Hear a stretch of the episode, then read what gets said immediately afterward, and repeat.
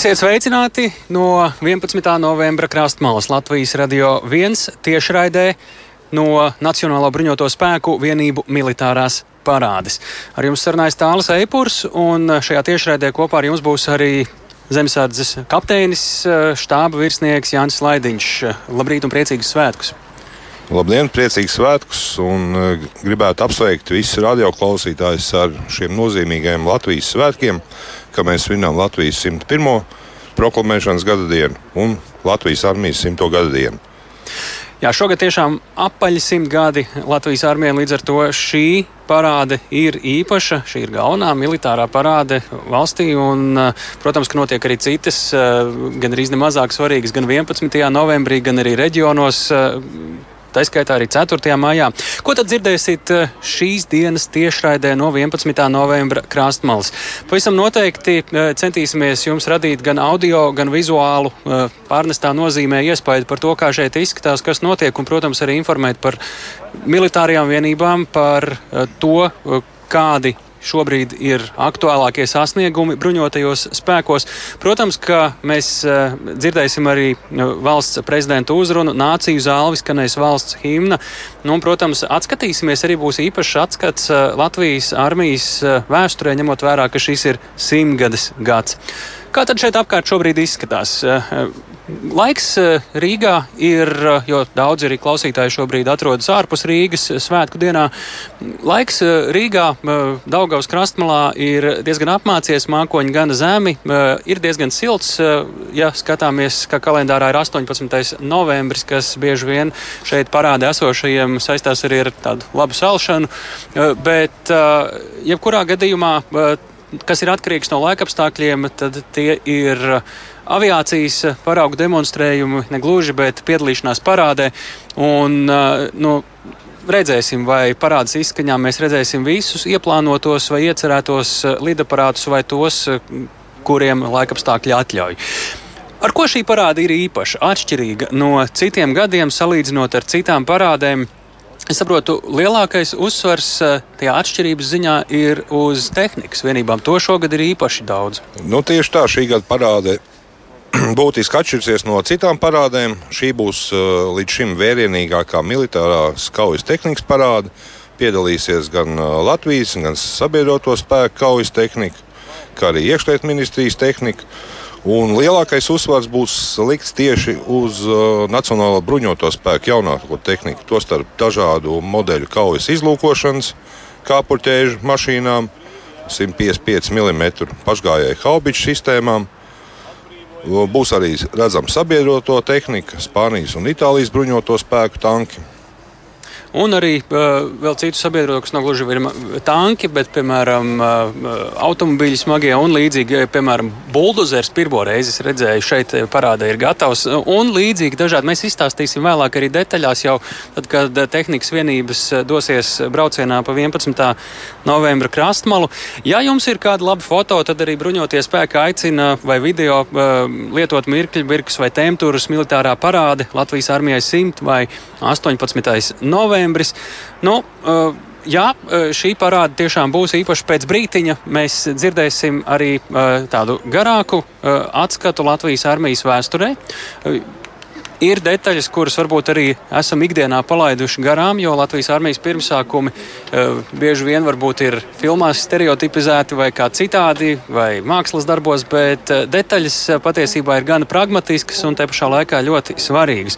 Tieši tāpēc mēs arī. Uh, pirms jau šīs parādes sazinājāmies ar Latvijas kara muzeja direktoru vietnieku pētniecības darbā vēstures doktoru Jūri Ciganovu, un viņš arī laipni padalījās savā vēstures pieredzē par to, kādi ir bijuši Latvijas armijas pirmsākumi līdz pat mūsu dienām. Klausāmies! Kas ir tas svarīgāko notikumu tops, ja mēs paskatāmies uz Latvijas armiju, tas simtgadi, varbūt pat kādu gadu agrāk, jo Latvijas armija nedzima tukšā vietā. Es kā sākuma punktu liktu neatkarības karu, ko par to saka vēsturnieks.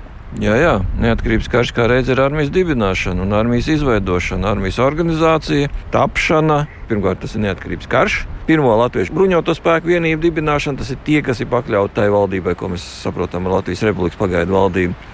Vienotas armijas izveide, armijas izveidošana par ievērojumu militāro spēku, armijas pārējais miera laiku. Tas ir starpkara posms līdz 40. gadam, armijas iznīcināšana, un mūsdienās tā jau ir mūsu bruņoto spēku. Es teiktu, dibināšana pa jaunu, bet, nu, protams, tā ir to veco tradīciju pārmantotāja. Pirmkārt, valsts dibināta 1918. gada 18. novembrī. Uzreiz pēc tam, tuvākajās nedēļās pēc dibināšanas, sāka veidoties pirmās Nacionālā karaspēka vienības, kuras vēl, protams, nebija vienotā kaujas organizācijā, un nevaram viņu nosaukt par Latvijas armiju. Tātad šis posms ir no, no, faktiski no valsts dibināšanas līdz 1919. gada 10. jūlijam kad izveidojās no divām atšķirīgām karaspēka grupām vienota karaspēka organizācija, kuru mēs jau varam saukt par vienotu Latvijas armiju, ar vienotu organizāciju, vienotu apgādes sistēmu un vienotu uzbūvi. Tas datums, 10. jūlijas, tad arī ir tā diena. Tā ir diena, kad tika iecelts Latvijas armijas virspavēlnieks, un šis Latvijas armijas virspavēlnieks, ģenerālis Dārvids Simonsons, izdeva pavēli armijai numur viens par to, ka viņš ir kļuvis par Latvijas armijas virspavēlnieku. Un no šī brīža arī sāka veidoties vienota Latvijas armijas sistēma. Respektīvi, mūsu bruņotie spēki kļuva par normālu armiju, ar normālu uzbūvi, vienotu uzbūvi, vienotu vadību un vienotu apgādi. 18. novembris nav armijas simtgadus datums. Tas ir valsts dibināšanas datums. Valstī šogad paliek 101 gads. 10. jūlijas tiek pieņemts kā armijas dibināšanas datums, un šogad 10. jūlijā svinēja armijas simtgadu. Izejot jau precīzāk par posmiem, ņemam pirmo neatkarības karš. Brītiņš kaut arī pirms tam, tagad filma ir iznākusi. Tas varbūt ir tas sākums, jau, kur parādās pirmie Latvijas teritorijā karojošie nacionāli bruņoti formējumi. Kas ir tās pirmās pazīmes, ka jā, šeit jau varbūt dažs saredz armijas dzimšanu? Redziet, strēlnieki par ko tagad filmas sakarā, protams, daudz runā, to nekādā gadījumā nevar uzskatīt par nacionālu armiju. Latvijiskā karavīrs tas ir gadsimtiem ilgs stāsts. Bet, ja mēs runājam par moderniem laikiem, tad latviešu karavīrs kā sociāla parādība, kā iedzīvotāja kategorija, modernā izpratnē parādās 19. gadsimta 60. gados, tad, kad Krievijas impērijā notiek militārā reforma un par karsko laudzēkņiem un junkursko laudzēkņiem var kļūt arī nedišciltīgie, tā sakot, parastie cilvēki. Un arī latvieši lielā skaitā izmanto šo iespēju un stājās Krievijas karskolās. Un, nu, līdz Pirmajam pasaules karam pienākot, mums ir jau savi savi virsniecības pārstāvji. Protams, viņi ir Krievijas impērijas armijas sastāvā. Dibinoties latviešu strēlnieku bataljoniem, mēs spējam ar saviem kadriem, teikt, nokomplektēt latviešu kadriem, nokomplektēt visus, visus šos astoņus strēlnieku bataljonus, vēlākos pulkus. Strēlnieki, starp citu, ir ļoti maza daļa no tiem latviešiem, kas bija iesaukti Krievijas impērijas armijas sastāvā un karoja Pirmajā pasaules karā. Tā ir mazākā daļa. Jā, tā ir tā daļa, kas karoja šeit. Bet tīri tā sakot, organizatoriski nav nekāda sakara ar Latvijas armijas strēlniekiem. Jā, daļa no viņiem, protams, pēc tam pārgāja Latvijas armijā, bet strēlnieku bataljonu un pulki tas ir tomēr Krievijas armijas sastāvdaļa, kas karoja Latvijā. Jā, tās bija nacionālās daļas, bet tās nebija vienīgās nacionālās daļas Krievijas armijas sastāvā. Pirmā pasaules kara laikā bija poļi, bija čehi, bija armēņi, bija musulmaņu bataljoni arī. Tas nebija unikāls. Priekš latviešu tautas, priekš Latvijas valsts strēlnieki bez šaubām, kad ir ļoti, ļoti nozīmīgs faktors. Un, protams, ka tas savā veidā protams, deva šo Latvijas armijas gan virsniecības, gan, gan arī instruktoru kadru pēc tam. Kas ir tie aizmetņi, kuri tiešām reāli sākās un jau formāli ar laiku pārtapa Nacionālā armijā? Sākumā, protams, tie bija brīvprātīgie. Jūs minētie kalpakieši, jeb pirmais latviešu atsevišķais bataljons, vēlāk pārtapa brigāde. Sākumā tie, protams, bija brīvprātīgie. Es runāju par 1918. gada beigām. Tie, kas ticēja Latvijas idejai un tie, kas paļāvās uz pagaidu valdību kā nacionālu valdību valdību. Un tādu nebija daudz? Nebija daudz. Tad, kad pagaidu valdībai nācās no Rīgas atkāpties eh, lielnieks spiediena rezultātā, tad līdzi Nacionālajai valdībai uz Liepāju aizgāja drusku vairāk par 200 vīriem. Un tieši no šiem cilvēkiem pamazām gan mobilizācijas, gan brīvprātīgo pieplūdumu rezultātā arī izveidojās vēlākā šī Dienvidu Latvijas brigāde. Savādāk drusku bija Ziemeļlatvijā, proti, Igaunijā. Arī brīvprātīgie, protams, bija, bet tur pārsvarā tika Ziemeļlatvijas brigāde veidota uz iesaukuma pamatu, uz mobilizācijas pamatu, tur, kur tas bija iespējams. Igaunijā mobilizēja Latvijas pilsoņus, kas tur bija, un pamazām atbrīvojot ar Igaunijas armijas palīdzību, atbrīvot Ziemeļlatviju kā virzījās tālāk iekšā Latvijā, tad tur notika arī iesaukums. Un arī mazliet vēlāk. Jā, jā tas viss norisinājās līdz pat 1919. gada vasarai, kad šīs abas divas brigādes pēc jau uzvarētajām cēsu kaujām, kurā Igaunijas armija ar Ziemeļlatvijas brigādes vienību palīdzību sakāva vāciešus. Bija iespējams šīm abām brigādēm apvienoties Rīgā, un tad jau sākās tā vienotā Latvijas armijas organizācijas izveide. Cik sarežģīts, pretrunīgs, vienots stāsts tas bija? Es saprotu, tam visam līdzi arī, protams, jāliek arī materiālā puse. Galvenās grūtības bija tieši materiālā puse. Organizācijas ziņā šīs abas brigādes, Dienvidu Latvijas brigāde, proti, kalpakieši bijušie, tas ir pirmā Latvijas atsevišķā brigāde un Ziemeļ Latvijas brigāde. Viņām bija ļoti dažāda organizācija. Viņām nebija vienots sistēmas, kā viņi organizēja. Viņi apgādāja no dažādām vietām - ziemeļniekiem no Igauniem, dienvidniekiem lielākoties no vāciešiem. Pirmkārt, sākās vienot struktūras izveide, tas ir izveidojis trīs kainieku divīzijas. Tad jau sākās šī lielās grūtības ar, ar apgādi. Galvenās grūtības bija ieroči un uzkabe, visi kara materiāli, jā, ēdienas apģērbs, patronas, munīcija, ieroči. Un tad pienāca Bermontiāde, kas bija nākamais pārbaudījums, viens no smagākajiem pārbaudījumiem Latvijas armijas nelielajā to brīdi vēsturē. Ar stāstiem par kadetiem, kuri vēl nebija sākuši mācības, bet jau gāja bojā un tā tālāk. Un tā skaitā, jā, protams, tur var daudz šādu stāstus līdzīgus kā kadetiem minēt. Tikpat nozīmīgas daļas bija arī citas kaujas. Un arī pirms Bermontiāts bija šāda cēsu kaujas, jā, bet pēc Bermontiāts bija Latgales atbrīvošanas operācija, mūsu sadarbība ar, ar Polijas armiju šīs Latvijas daļas atbrīvošanā. Tad jau tas Armijas skaitliskais sastāvs sasniedz to vislielāko. Tie bija apmēram 72,000 vīri. Ja 18. gada beigās Līdz Kārļa Ulmaņa valdībai uz Liepāju aizgāja drusku pāri 200 vīriem, tie, kas ticēja Latvijas valstī. Tad jau pēc pusotra gada Latvijas armijā bija 72,000 vīri. Un šī armija bija kaujas spējīga, jo mēs Latvijas startautiskai atzīšanai varam pateikties tikai un vienīgi Latvijas armijai, kura bija savā teritorijā sakāvusi visus iekšējos un ārējos ienaidniekus, aizdzinušos ienaidniekus līdz Latvijas etnogrāfiskajai robežai, nākamajai Latvijas valsts robežai. Un tikai pēc tam, kad Startautiskā sabiedrība Parīzes miera konferences veidolā rietumu valstis redzēja, ka mēs varam pastāvēt kā valsts, tad sekoja mūsu valsts startautiskā atzīšana de jure 21. gada janvāris 2021. gadā tiks svinēta Latvijas startautiskās atzīšanas de jure simtā gada diena.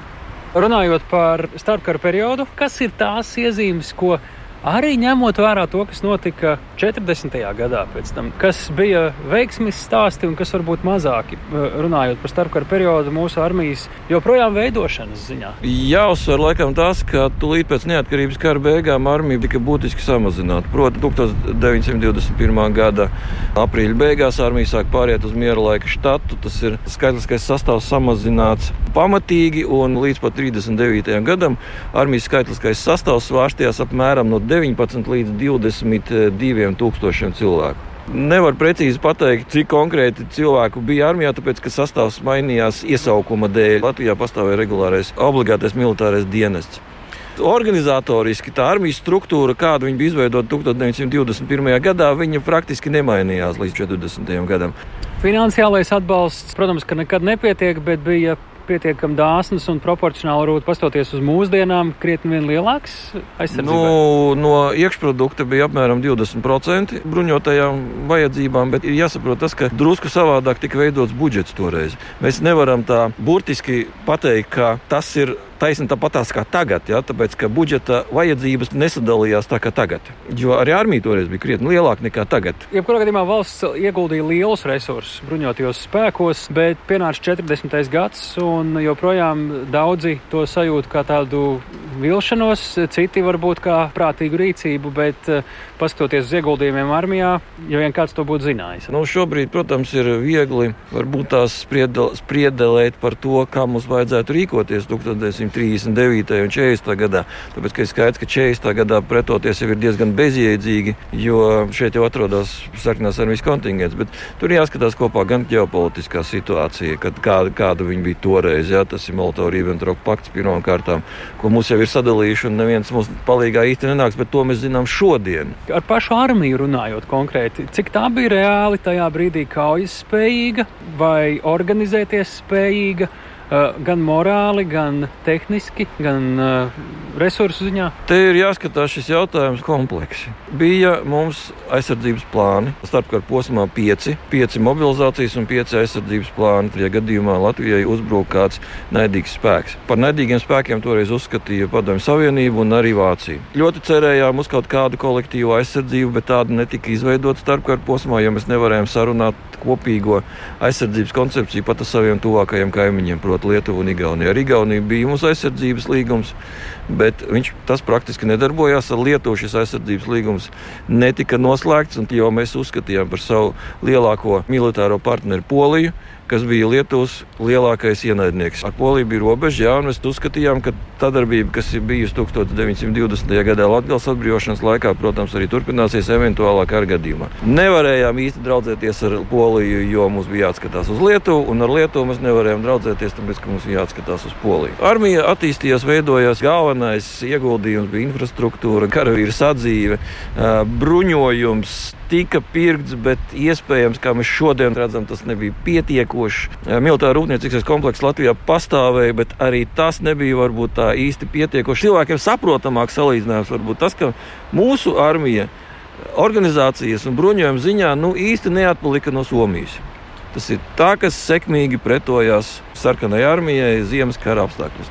Jā, mums nebija šīs Mannerheima līnijas, nu, tā kā Somija nocietinājuma mums tāda nebija. Bet galvenais Latvijas un Somijas geogrāfiskā situācija krietni atšķirās. Tagad tā militārie teorētiķi tā runā, ja mēs varētu pretoties tikai visas trīs Baltijas valsts kopā, tad mēs varētu pretoties, bet, diemžēl, dažādu subjektīvu apstākļu un objektīvu apstākļu dēļ, galvenokārt ģeopolitisku apstākļu dēļ, tas nenotika. Tas bija 40. gadsimts kas notika okupācijas laikā ar Latvijas armiju tās personāla sastāvu, tās idejām. Jo nebija tā, ka tie cilvēki vienkārši izgaisa. Viņus, piemēram, arī izgaisināja. Nu, cilvēks izgaisināja, simbols noteikti izgaisināja, respektīvi aizliedza. Otrais pasaules karš Latvijas karavīri karoja abās frontes pusēs, gan sarkanajā armijā, gan Vācijā.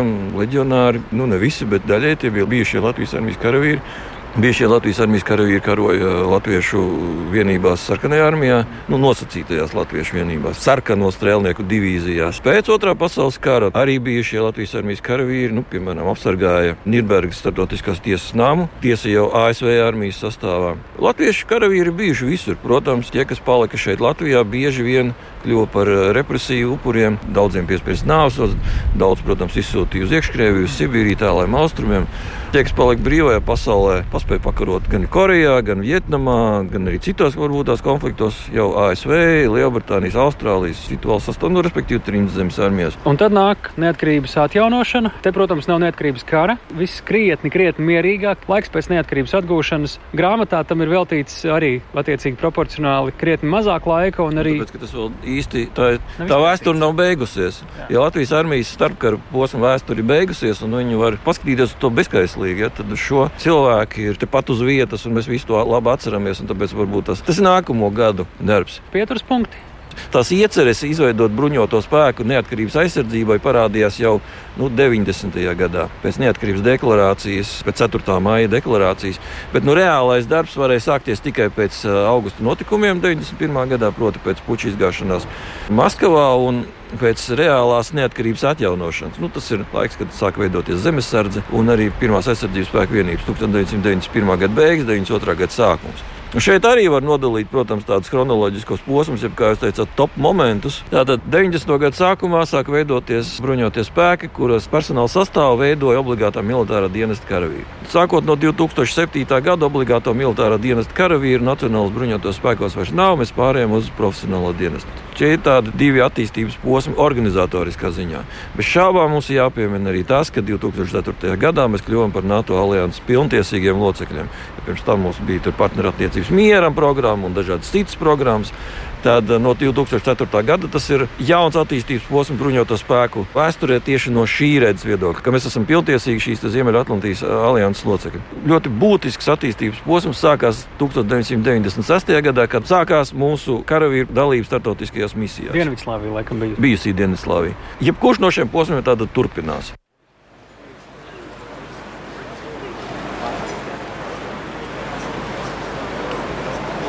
Lūk, tā Juris Ciganovs, Latvijas kara muzeja direktora vietnieks pētniecības darbā, arī vēstures doktors par Latvijas armijas vēsturi simt gadu laikā. Šobrīd esam atpakaļ 11. novembra krastmalā Latvijas radio viens tiešraidē no 18. novembra Nacionālo bruņoto spēku vienību militārās parādes. Jā, un šogad parādē piedalīsies aptuveni 1500 karavīru, zemesargu, policistu, robežsargu, ugunsdzēsēju un arī jaunsargu.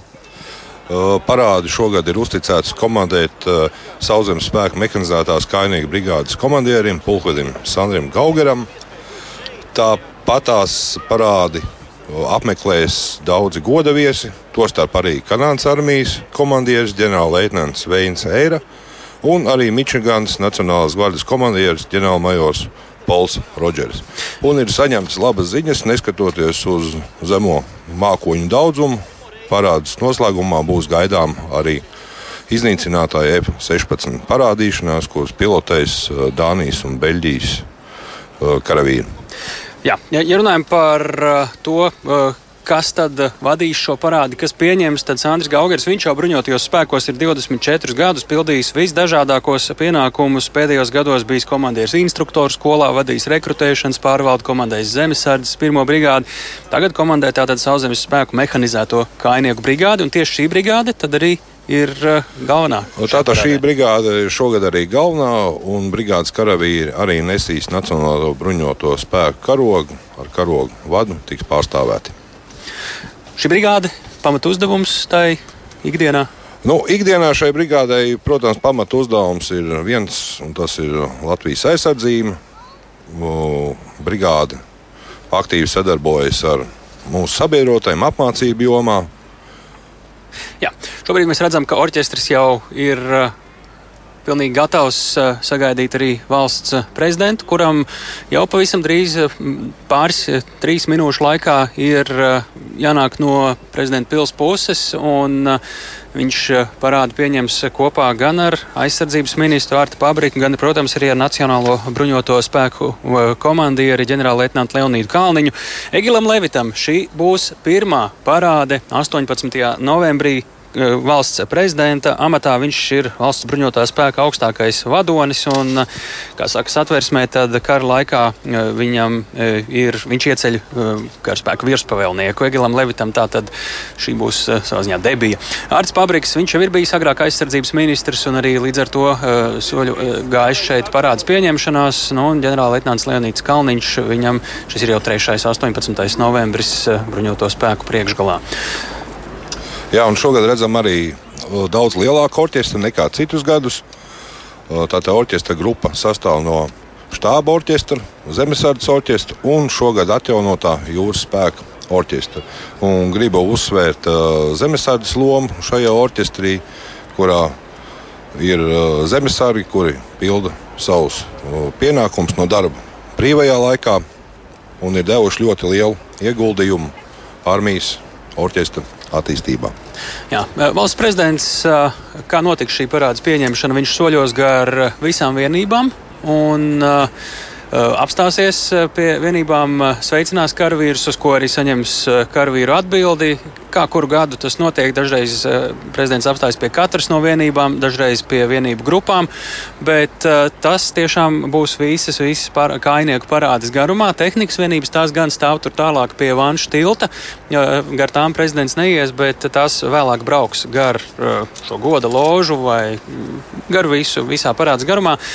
Kas skatītājiem un apmeklētājiem ir jāzina, tad vienības, kainieku vienības soļos līdz pat Dailas teātrim, Kaļķa iela, Brīvības iela, bet tehnikas vienības var aplūkot tikai šeit krastmalā, gan kustībā parādas noslēgumā, gan šīs dienas laikā Vanšu tilta pasažieru termināļa apkārtnē var arī klātienē apskatīt ne tikai sauszemes vienības, tā skaitā arī apmeklēt kuģus. Šobrīd pulkstenis rāda par to, ko jūs šobrīd dzirdat. Valsts prezidents ir visticamāk ieradies Prestolā. Mierā! No kreisās! Godā! Sveiki!